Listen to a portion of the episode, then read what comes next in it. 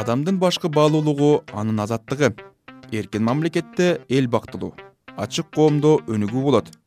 Мыйзам сакталган саясий жана жарандык укуктар корголгон мамлекет кантип түптөлөт ал үчүн ар бир жаран кандай салым кошо алат эгер ошол эбегейсиз бийлигине бир ооздуктоо болбосо ал аша чапкандыкка дароо өтүп кетет. Эч ким сен туура эмес кылып атасың деп аны токтотуп кала албай калат. Ошон үчүн сөз эркиндиги биринчи кезекте бийликтин өзүнө дагы керек себеби өзүнүн катасын өзү жойгонго. Андан сырткары элге ыңгайлуулук үчүн элдин өзүнө керек. Адилет коом мыйзам үстөмдүгү.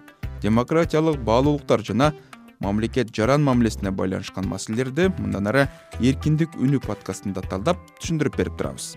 Бизди азаттык чекит орг сайтынан ютубтагы азаттык деген каналдан google apple жана spotify дагы подкаст таянтчаларынан угуңуз